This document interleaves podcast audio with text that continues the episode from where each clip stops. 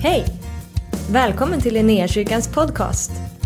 Vi hoppas att det här ordet ska uppmuntra dig, stärka dig i din tro och leda dig in i djupare relation med Jesus. Gud välsigne dig i ditt lyssnande. Om någonting så är det ju alltid det eh, liksom överväldigande. Så liksom helt ny spelet där. Man sätter på tv och så liksom, eller varit på någon centerkort och så sitter du och tittar så här. Och den här bollen så flyger fram och tillbaka. Men så spelar du och får en helt annan känsla för det. Eh, min dotter, när hon var liten, eh, kollade på, det var eh, Mimmi och Kajsa, Anka, vad heter de där? Ja, vad de heter. Kalle Ankas motsvarighet, den där kvinnan och Musse Piggs motsvarighet, Miss Pigg eller vad hon nu än heter. Vad hette de? Mimmi och Kajsa, så enkelt. Ja. Mimmi och Kajsa i alla fall. Och de, gjorde, de lärde sig åka skridskor. Och de gjorde ju piruetter. Och de var ju otroligt duktiga. Så hon ville ju lära sig åka skridskor. Och du vet, på vägen dit så var det som att hon fullständigt jublade. Eh, hon kvittrade. Det var, det var, du såg eh, energi, entusiasm och glöd i hennes ögon inför detta spännande som hon skulle få vara med om nu. När hon sen kommer till isen, får på sig de här skridskorna och har den där hjälmen på. Och hon tar första skäret liksom. Och inser att det där var ju inte på det sättet som det hade varit. Liksom. Eh, hon hade hela utrustningen, hon hade allting. Hon bara trodde att nu kommer det här bara lösa sig själv. Eh, sen så behövs det lite övning och lite färdighet och hon är fortfarande ingen Miss Piggy och Kajsa på isen när det kommer till piruetter. Men nu har hon i alla fall gett sig in på den resan. När man första gången får möta Jesus, första gången får en erfarenhet av honom, så blir känslan nästan som om att nu vet jag hur det här fungerar. För det blir så överväldigande. Innan har du gått ifrån att försöka fundera ut vem Gud är. Kanske har du haft en tanke, du eh, kanske har en religiös bild av vem Gud är. Alltså inte så religiös i den bemärkelse som du tänker att man bara går till kyrkan. Utan du kanske till och med kan förklara vem Gud är. Du kan till och med tala om att han är Gud Fadern, Gud Sonen, Gud Heligande. Och du kan referera kanske till och med till bibelsammanhang som förklarar väldigt mycket om Gud. Och helt plötsligt så kan du rent liksom förståndsmässigt förklara vem den här guden är. Men så står du mitt där i stormen. Och den här stormen den blåser upp. Inte katten hjälper det dig speciellt mycket att du kan förklara Fadern utifrån ett rätt teologiskt perspektiv. Eller att du kan förklara sonens relation till fadern. Och du kan förklara hur den heliga ande fungerar. Utan det som betyder någonting är att du vid det tillfället när stormen är som hårdast, på insidan av ditt hjärta känner jag är sammankopplad med den levande guden. Du kan inte förklara det, men du upplever det, du känner det. Och så går vi från de här platserna, nästan som att jag vet hur det här fungerar nu. Jag kan det här.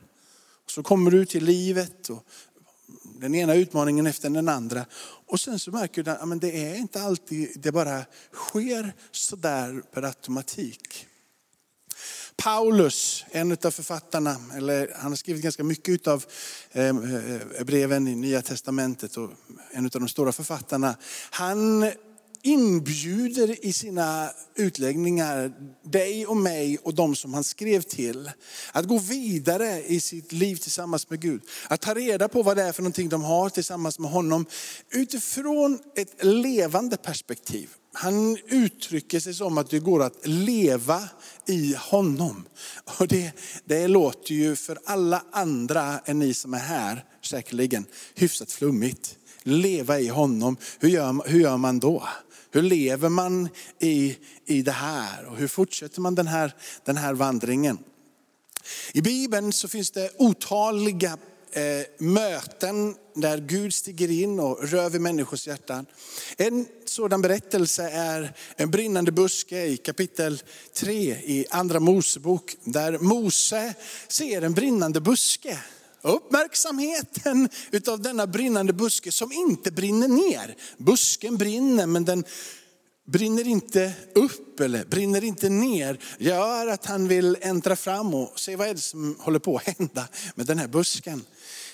En uppmärksamhet väcks på Moses hjärta först för att se vad är det för någon buske. Men det går ganska snabbt över i den här berättelsen där Gud stiger in och börjar prata med Mose. Helt plötsligt så har berättelsen skiftat ifrån att ha varit en häpnadsväg, fascinerande buske som brinner som inte brinner upp. Till att tala med han som tände busken. Gud stiger in och säger, jag är. Han talar om att jag är Abraham, jag är Jakob, jag är Isaks Gud, jag är den levande guden. Det är jag som tände den här busken för att väcka din uppmärksamhet, för att fånga dig och säga att du är betydelsefull. Och jag älskar Israel och jag vill leda Israel in till en plats där de kan tillbe mig. Och jag lägger det uppdraget på dig för jag älskar att få vara med mitt folk. Men han visade sig för att skapa ett intresse för vem han är. Det var inte så att han sa, okej okay, du tar med gänget hit nu så ska jag tända lite buskar här överallt. Så ni får se liksom att jag kan tända lite buskar överallt. Det var inte det som var intressant för Gud. Det som var intressant för den levande guden, det var att fånga en uppmärksamheten hos Mose och folket för att han ville att de skulle stiga in och vara tillsammans med honom. Paulus, en karaktär i Nya Testamentet som, då, som jag sa har skrivit det vi ska läsa från Kolosserbrevet. När Gud möter med honom, han är förföljare, han eh, vi har en religiös bild av Gud, kan förklara Gud men har inte fångat vem Jesus är. Han är ute efter att döda och förgöra de kristna. Och när han på den resan är på väg så är han på väg mot Damaskus bland annat. Och i den här så får han möta Jesus. Och det som händer i den här berättelsen är också fascinerande på många sätt. Men det är ännu mer djupare att titta på Paulus reaktion. Vem är du? Och helt plötsligt så börjas en konversation igen där Gud återigen fångar Paulus uppmärksamhet för att förklara för Paulus genom en profet, Ananias, som får ett tilltal. Och så lägger han händerna på och så öppnas ögonen och så får han märkt utav Jesus för livet. Det är det som kännetecknar det som har vuxit fram i den levande Gudens församling. Människor som har blivit märkta utav honom. Inte perfekta på att förklara fullt ut vem han är utifrån alla olika perspektiv och den rätta teologin. Men människor som har blivit brännmärkta utav honom, blivit berörda utav honom. Och innan de ens har förstått det så har Gud börjat forma deras hjärta inifrån och ut. De har gått ut ända från den tiden Jesus vandrade här på jorden. Han dör, han uppstår, han, eh, anden blir sänder församlingen, anden blir utgjuten. Det sker en rörelse. Men det har hela tiden kännetecknats av människor som talar om att han är levande för dem. Vi lever och vi rör oss och vi är till i honom. Så eh, min rubriken på min predikan som landar i fem, i fem punkter är egentligen så här, att leva med Jesus dag för dag. Det är en uppmaning från skriften. Lev med Jesus dag för dag.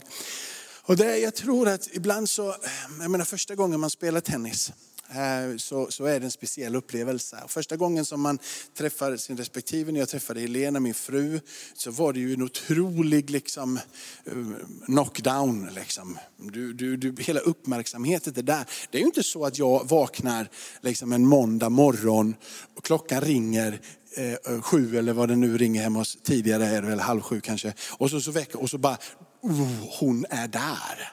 Det är inte så, utan jag tänker bara att nu ska vi iväg och det är mat och det hoppas jag det finns kaffe hemma. Det är ju liksom de sakerna man tänker på. Eller? Det är bara jag. Eller hur? Men hon där väckte min uppmärksamhet. Och någonstans där så blir vi också i våran, i våran kanske kristna resa, vårt liv tillsammans med Jesus. En förväntan av att det ska vara sådär, liksom, den här blixtförälskelsen, den här känslan av att nu ska jag upp och studsa. Nu är all uppmärksamhet där. Men det är inte så. Utan det är ett liv tillsammans med honom. Och ett liv tillsammans med Helena innefattar ansvar för vi har ekonomi i vår lilla familj, vi har barn i vår lilla familj, och det finns ett hus i vår lilla familj och det finns en bil i vår lilla familj. Det finns många saker som, som liksom inryms. Men jag glömmer ju inte startpunkten för dessa besvärliga barn. Jag glömmer inte startpunkten eller hur? Utan det är till dit och in i det livet som jag hittar den där näringen, den där kraften för att ta ansvar för det som blir hela familjen. Men jag måste ju lära mig att leva där. Och lite av den inbjudan är det som, som sker tillsammans med Jesus. Han vill att du ska veta och förstå att du tillhör han, att han bor i ditt hjärta. Men så utmanar han dig med att säga, sätt ditt liv i rörelse. Sätt ditt fokus i rörelse. Förstå vad jag vill och hur du kan leva tillsammans med mig för att förstå vad det är du har fått i mig. Jag tänkte så här när jag, när jag, när jag skrev ner att leva med Jesus dag för dag. Liksom. Hur hittar man den här passionen? Vad, vad behöver man göra? Jag tror att det första är att det finns en möjlighet för dig idag att bestämma dig för igen att du ska lita på Jesus. Det börjar där. Jag vill gärna ta hand om mig själv. Många av oss vill det. En del har ju väldigt lätt att bara lägga sitt liv i andras knän. Så bara så, men du får ge mig mjölk och du får ge mig mat och du får ge mig. Men en del av att bli vuxen och växa upp är ju att man vill ta hand om sig själv. Man vill styra sitt eget liv. Och där kommer någonstans, för, för Gud säger så här att jag vill ta hand om dig. Jag vill att du litar på mig. Jag vill att du lägger mitt liv i mina händer. Jag vill att du gör det om och om igen. Jag vill att du kapitulerar inför mig. Det innebär ju inte att man inte tar ansvar för det som man har runt omkring sig. Men det innebär att man lite grann då och då får säga, jag vill inte klara mig själv. Och ibland blir du tvingad att säga, jag klarar mig inte själv. Men Gud vill inte bara att du ska säga, jag klarar mig inte själv. Han inbjuder dig till att våga gå ännu djupare och bara säga så här, jag vill inte klara mig själv. Jag vill ha dig i mitt liv. Jag vill våga lägga mitt liv i dina händer. Jag vill komma till den platsen där jag inte är herren på täppan i allting. Jag vågar till och med säga att jag vill det här och det här, men Gud, du vet vad som är bäst för mig. Och Jag säger säga att jag släpper mina tankar där en liten stund för att igen få komma till platsen, för att få göra mig beroende av vem du är. Och kapitulera inför dig. Och det finns möjlighet för dig idag att bara säga, jag vill lära mig igen och lita på dig Jesus. Jag vill lära mig igen att släppa taget om det som är jag, mig och mitt. Och våga se vem du är. Det finns en möjlighet för dig idag, om du säger att jag vill verkligen leva med Jesus, att på nytt få upp en förväntan på din insida att hans kraft och hans liv är tillgängligt för dig i alla situationer. Det finns en möjlighet att få säga idag igen och imorgon igen och nästa dag igen. Inte bara att nåden är ny var morgon till frälsning. Utan att nåden är ny var morgon till att igen få förvänta sig ett ingripande utav Gud i det liv som du lever tillsammans med honom. Att igen få säga, jag vill lita på dig. Att igen få säga, jag vill förvänta mig den där kraften som jag kände för tio år sedan på det där stället. Den där kraften som jag kände när jag gick igenom den där jobbiga passagen. Och alla skrattade åt mig och ingen trodde jag var klok. Men jag kände en kraft på min insida. Jag vågade stå där och känna den heliga andes rör. Det finns en möjlighet för dig idag att bli inbjuden igen. Men du måste säga, jag vill. Du kanske känner att det händer ingenting i mitt personliga liv. Jag, liksom jag, känner samma sak för Gud och jag förklarar det på samma sätt. Och jag läser samma böcker ungefär och jag förstår bibeltexterna på samma sätt. Och du känner att ja, men jag är fortfarande lika arg som jag var för tio år sedan. Jag är fortfarande lika bitter som jag var förra veckan. Och ingenting händer på min insida. Det finns en möjlighet varje dag inbjuden ifrån honom själv. Där han säger att jag vill låta mitt verk forma dig på din insida.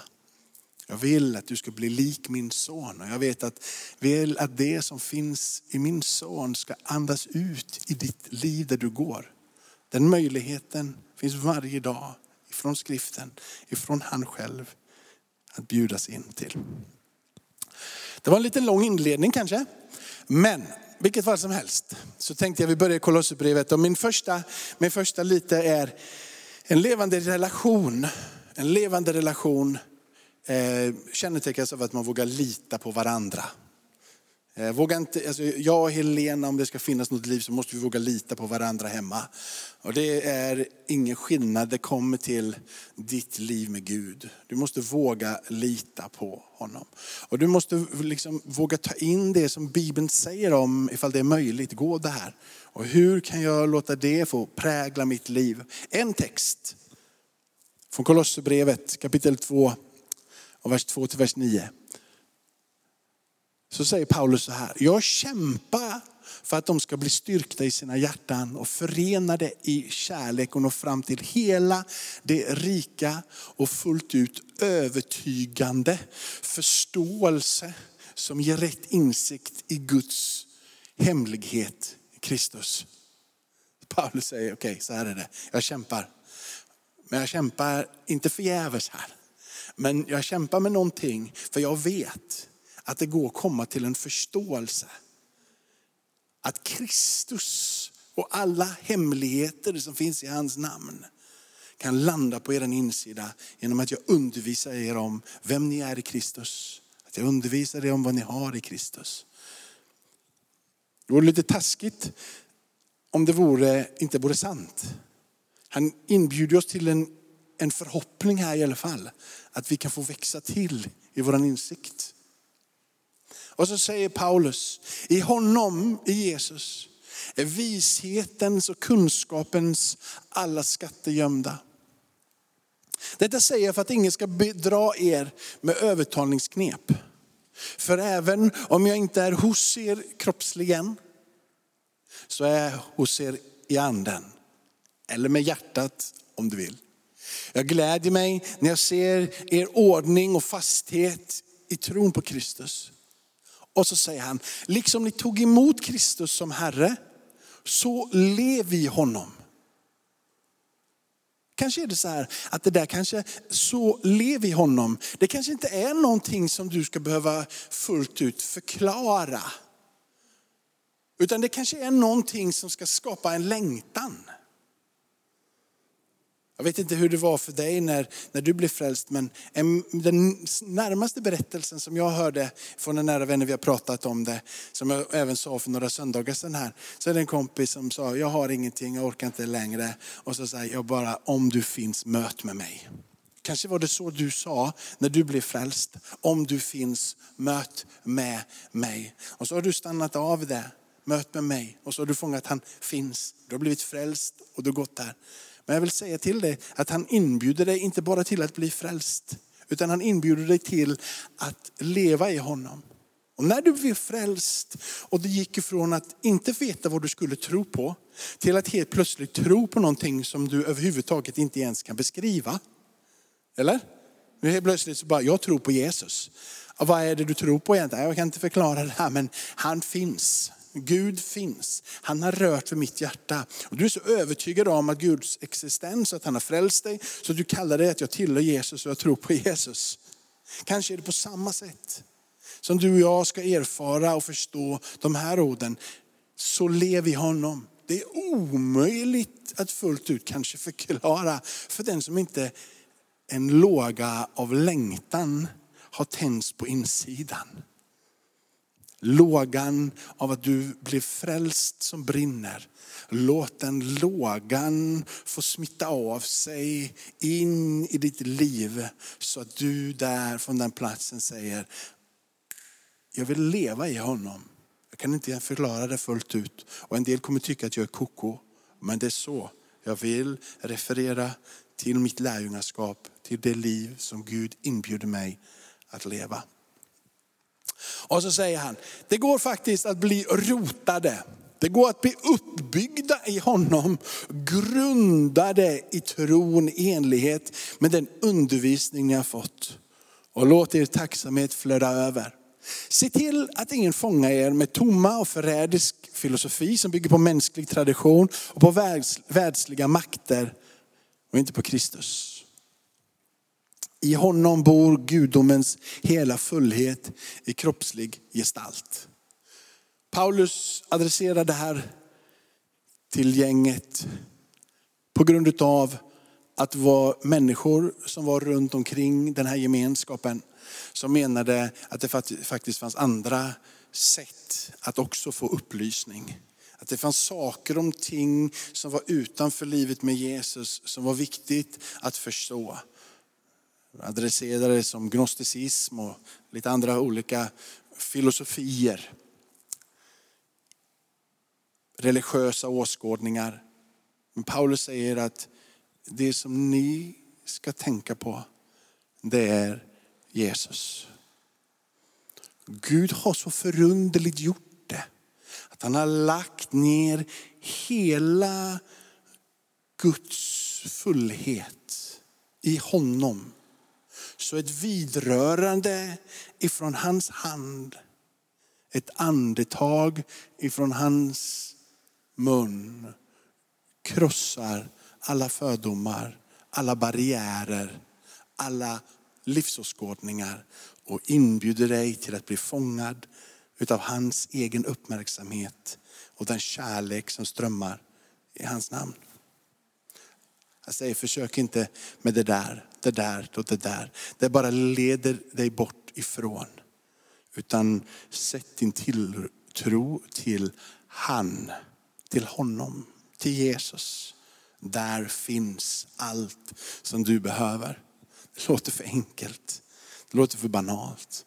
Men det är det som Bibeln och Jesus ständigt, hela tiden inbjuder dig och mig till. Lita på mig. Kom till mig. Det är det som är den stora brottningskampen för varje kristen, för varje människa. Att lita på de barnsliga ord som inte är speciellt komplicerade och krångliga. Lita på mig. Jesus känner dig vid namn. Han vill det, inbjuda dig till att leva med honom varje dag. Kanske inte så att du förstår det fullt ut hur och varför. Men längtan får tändas på din insida där du säger, jag vill leva i honom. Så här står det i första Kolosserbrevet kapitel 1 och från vers 1 till 15. Ja, det är så här att du kan få bara finnas en herre i ditt liv. Kan inte, det, det, vill du vara herre och du bestämmer så eh, blir det inte bra. För Jesus säger, jag är herre. Det finns bara en herre.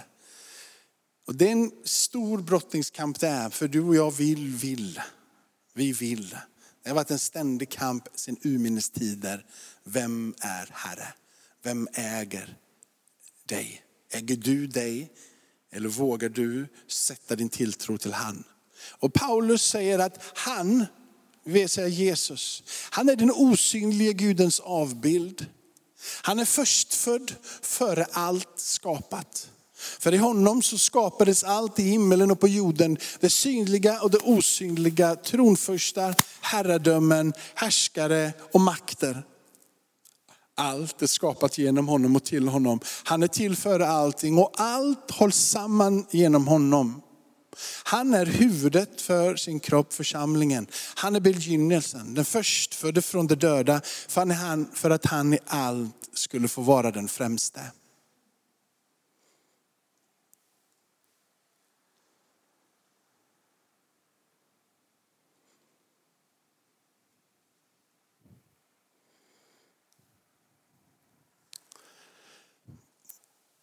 Jag brottas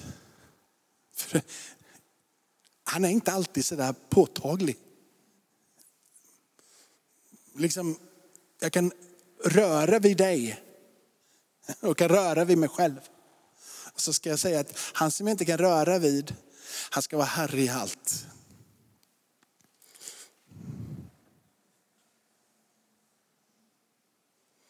Med samma inbjudan som gällde för punkt ett, att våga lita på honom. Samma inbjudan ligger där och hovrar och andas ifrån punkt två. Att våga leva i honom. Att våga säga, jag vill att du är Herre över mitt liv. Jag vill att du ska styra mina tankar. Jag vill att du ska styra mitt liv. Jag vill att du ska påverka mitt sätt att tänka, mitt sätt att tycka. Jag vill att du ska vara överst i mitt liv. Kanske är det här som, det som jag sa inledningsvis, kanske är den som är den stora frågan för dig som, som vet att du är frälst och att du vet att du tillhör honom. Men känner att din rörelse tillsammans med Jesus kan inte, kanske inte pulsera så som du hoppas. Kanske ligger där att det inte, det handlar inte om att komma till platsen där du liksom ropar ur desperationen om du finns så gör det här och ta mig. Utan kanske här borta där du vet att jag klarar mig ganska bra själv. Jag har fått ett huvud att tänka med, fått fötter att gå med, pengar på banken och släkt och vänner och en kyrka att gå till och behöver egentligen inte speciellt mycket. Det kanske är till dig som de här orden borde få klinga tydligast och klarast. Där du får säga att jag klarar mig egentligen ganska bra. Men jag väljer att kapitulera. Och jag väljer att säga att, att du ska vara Herre i mitt liv. Jag bara säger hjälp mig. Hjälp mig. Jag vill vara svag inför dig. Jag vill inte vara stor inför dig. Paulus säger och inbjuder med orden att när jag är som svagast är jag som starkast. Det är en tröst till den som just nu känner att livet är på en nedåtgående fas. Men tänk ifall vi skulle kunna få innan den dagen av att bryta sönder har skett, få kapitulera och bara säga att jag klarar mig inte själv. Jag erkänner det. Jag sätter dig överst. Kanske det är det som är nyckeln till en levande relation för en som inte bara ropar fräls mig Kanske det är det som gör att nerven kommer tillbaka. När du bara vågar säga, jag behöver dig i mitt liv. Och jag väljer att ha dig i mitt liv. Jag väljer att du ska vara på tronen. I vers 11 så står det så här. Paulus, när han skriver det här så adresserar han liksom kampen över det som vill ta fokuset bort ifrån den levande relationen. Paulus skriver det här för att mm, låta dem förstå att det finns ett liv att leva med Jesus och du behöver ingenting annat än Jesus. Det är Jesus som du ska hämta och därifrån finns allting. Det är själva andetaget i hela Kolosserbrevet. Som punkt nummer tre i min predikan så finns det kraft att få. Den heliga ande vill verka över ditt liv. Då ska hans härlighetsmakt styrka er och ge er all kraft till att vara uthålliga och tåliga i allt. Om den första punkten fick vara fräls mig, jag vill lita på dig. Om andra punkten fick vara, jag vill att du ska vara Herre, jag väljer att kapitulera trots att jag inte har några brister just nu så väljer jag att sätta dig överst. För jag värdesätter en levande relation med dig Jesus. Så är den här punkten inte först kraften för helande under och tecken för de som är där borta. Utan den inneboende närvaron av den heliga ande för att kunna gå igenom alla passager i livet. Och ändå säga, jag har gått igenom det här och det här. Och jag har blivit väl beprövad, men jag har funnit att Gud är med. Jag har funnit att genom cirklar av olustigheter och problem i livet så har jag alltid kommit tillbaka till att det är värt att förlita sig på den kraften som strömmar. Jag har förstått att den kraften som kommer ifrån han gör att jag blir uthållig och att jag kan bli tålig i allt. Jag kan motstå filosofins bedrägliga listor. Jag kan motstå religiösa andemakter och jag kan motstå begär som finns där på utsidan för att det finns någonting som pulserar ifrån en levande relation med Gud som ger mig kraften och styrkan att sätta fokus på vem han är. I den här levande relationen som han inbjuder dig till att säga jag vill leva i honom så vill han att du ska förstå att du är frälst. Och det kommer ske. Det kommer att hända. För när du tar de där stegen så vill han vet, att du ska veta att du tillhör honom. En frälsningsvisshet kommer bli resultatet utav att du vill leva tillsammans med honom. Frälsningsvisshet. Jag har skrivit ner här om andlig mognad. En mognad i din personlighet. Och det kan vi ta, vi läser ifrån kapitel 1 och vers 28. Kolosserbrevet 1 och vers 28.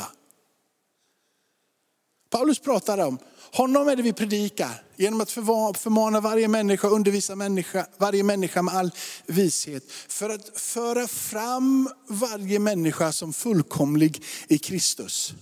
Det är ju inte att du blir den perfekta varelsen. Det är inte det det säger. Utan vad det säger är att du kan få vetskapen och förståelsen om hur du kan bli en mogen kristen. Hur du kan få ta emot det som finns i Kristus. Och det som finns i Kristus kan få andas ut ur ditt liv. Där folk ser hur god du är och säger, det där är inte Jakob, det måste vara Jesus i honom.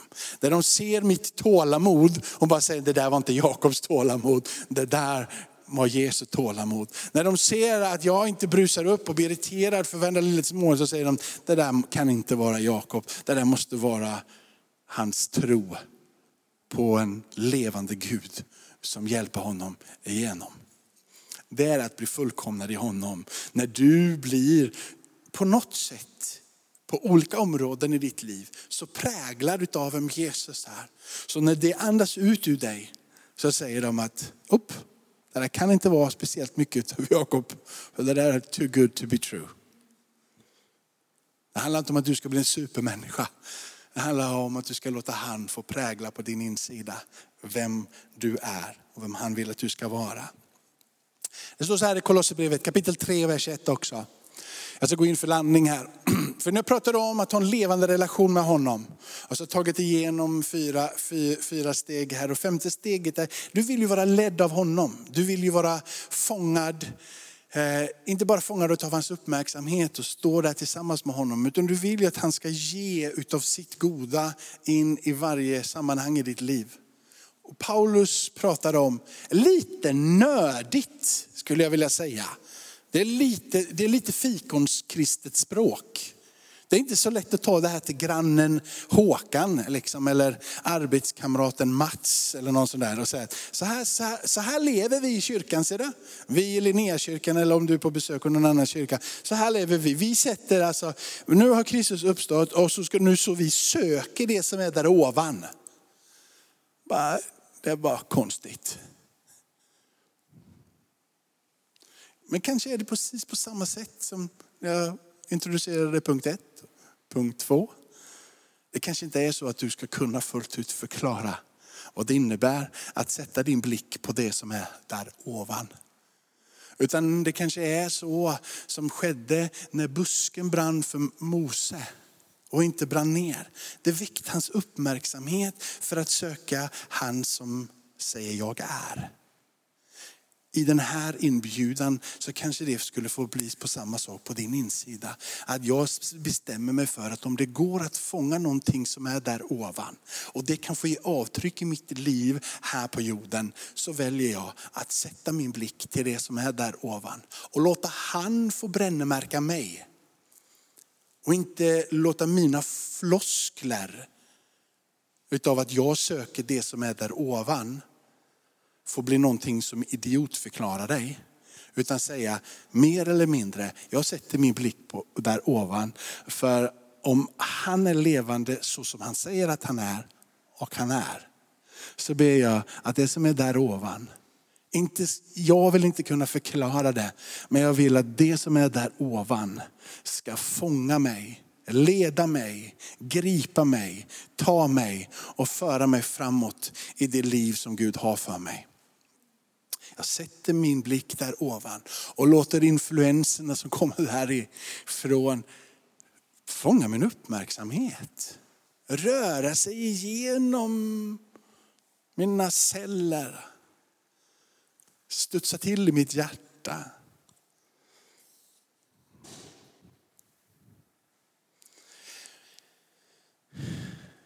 En inbjudan ifrån Paulus och idag från mig. Men först och främst ifrån himlen. Av att det går att leva i honom. Det går att ha en levande relation med honom. Och det är aldrig för sent. Varje dag är en inbjudan och en möjlighet. Som jag sa, kanske är du där. Där du behöver säga, inte från platsen av brustenhet. Utan från platsen av att du faktiskt idag klarar det ganska bra. Får säga, jag vill att du är Herre i mitt liv. Få den lilla nerven att komma tillbaka. Känna att det studsar på insidan. Hoppet tänds. Glädjen finns, entusiasmen och hoppet. Amen. Fem punkter och du kommer inte komma ihåg dem om jag rabblar dem en gång till ändå. Så du får gå in och lyssna sen. Men de finns där. Eh, ska vi be tillsammans? Ebba får göra i ordning sig. Be gärna för dig. Lite, lite avstånd får vi väl ha idag på något sätt också. Eh, så man inte eh, liksom är för nära varandra. Det är ju fortfarande människor som blir smittade av corona. Men be gärna för dig. Och ja, vi, vi, tror på handpåläggning, men vi kramas vi kanske inte utan vi får hålla. Men vi tror på handpåläggning. Vi ser att i Bibeln så lägger de händerna på varandra och så möter Gud med dem. Så eh, vi ber så sjunger vi. Så vill du ha förbön så är du välkommen fram här. Tackar dig Fader i himmelen att vi får, eh, att vi får vara på det sättet lite, lite nördiga här. Men vi sätter vår tilltro till det som skriften säger. Tack för att du har varit med oss. Hoppas du känner dig inspirerad av Guds ord och har fått nya perspektiv. Hör gärna av dig till oss och berätta om Gud har rört vid dig på något sätt. Vi är så glada att få höra vittnesbörd om vad Gud gör. Du kan mejla oss på adressen info och dit kan du även mejla om du har ett böneämne som du önskar att vi ber för. Eller om du har tagit emot Jesus och inte har någon bibel så vill vi mer än gärna skicka en bibel till dig. Skicka ett mejl med ditt namn och dina adressuppgifter till info så ser vi till att du får en. Om du vill ge en gåva till Linnéakyrkans arbete för att nå fler människor med evangelium så kan du swisha till 123 520 0993. Du kan också besöka oss på linneakyrkan.se för att få mer information. Välkommen tillbaka att lyssna snart igen.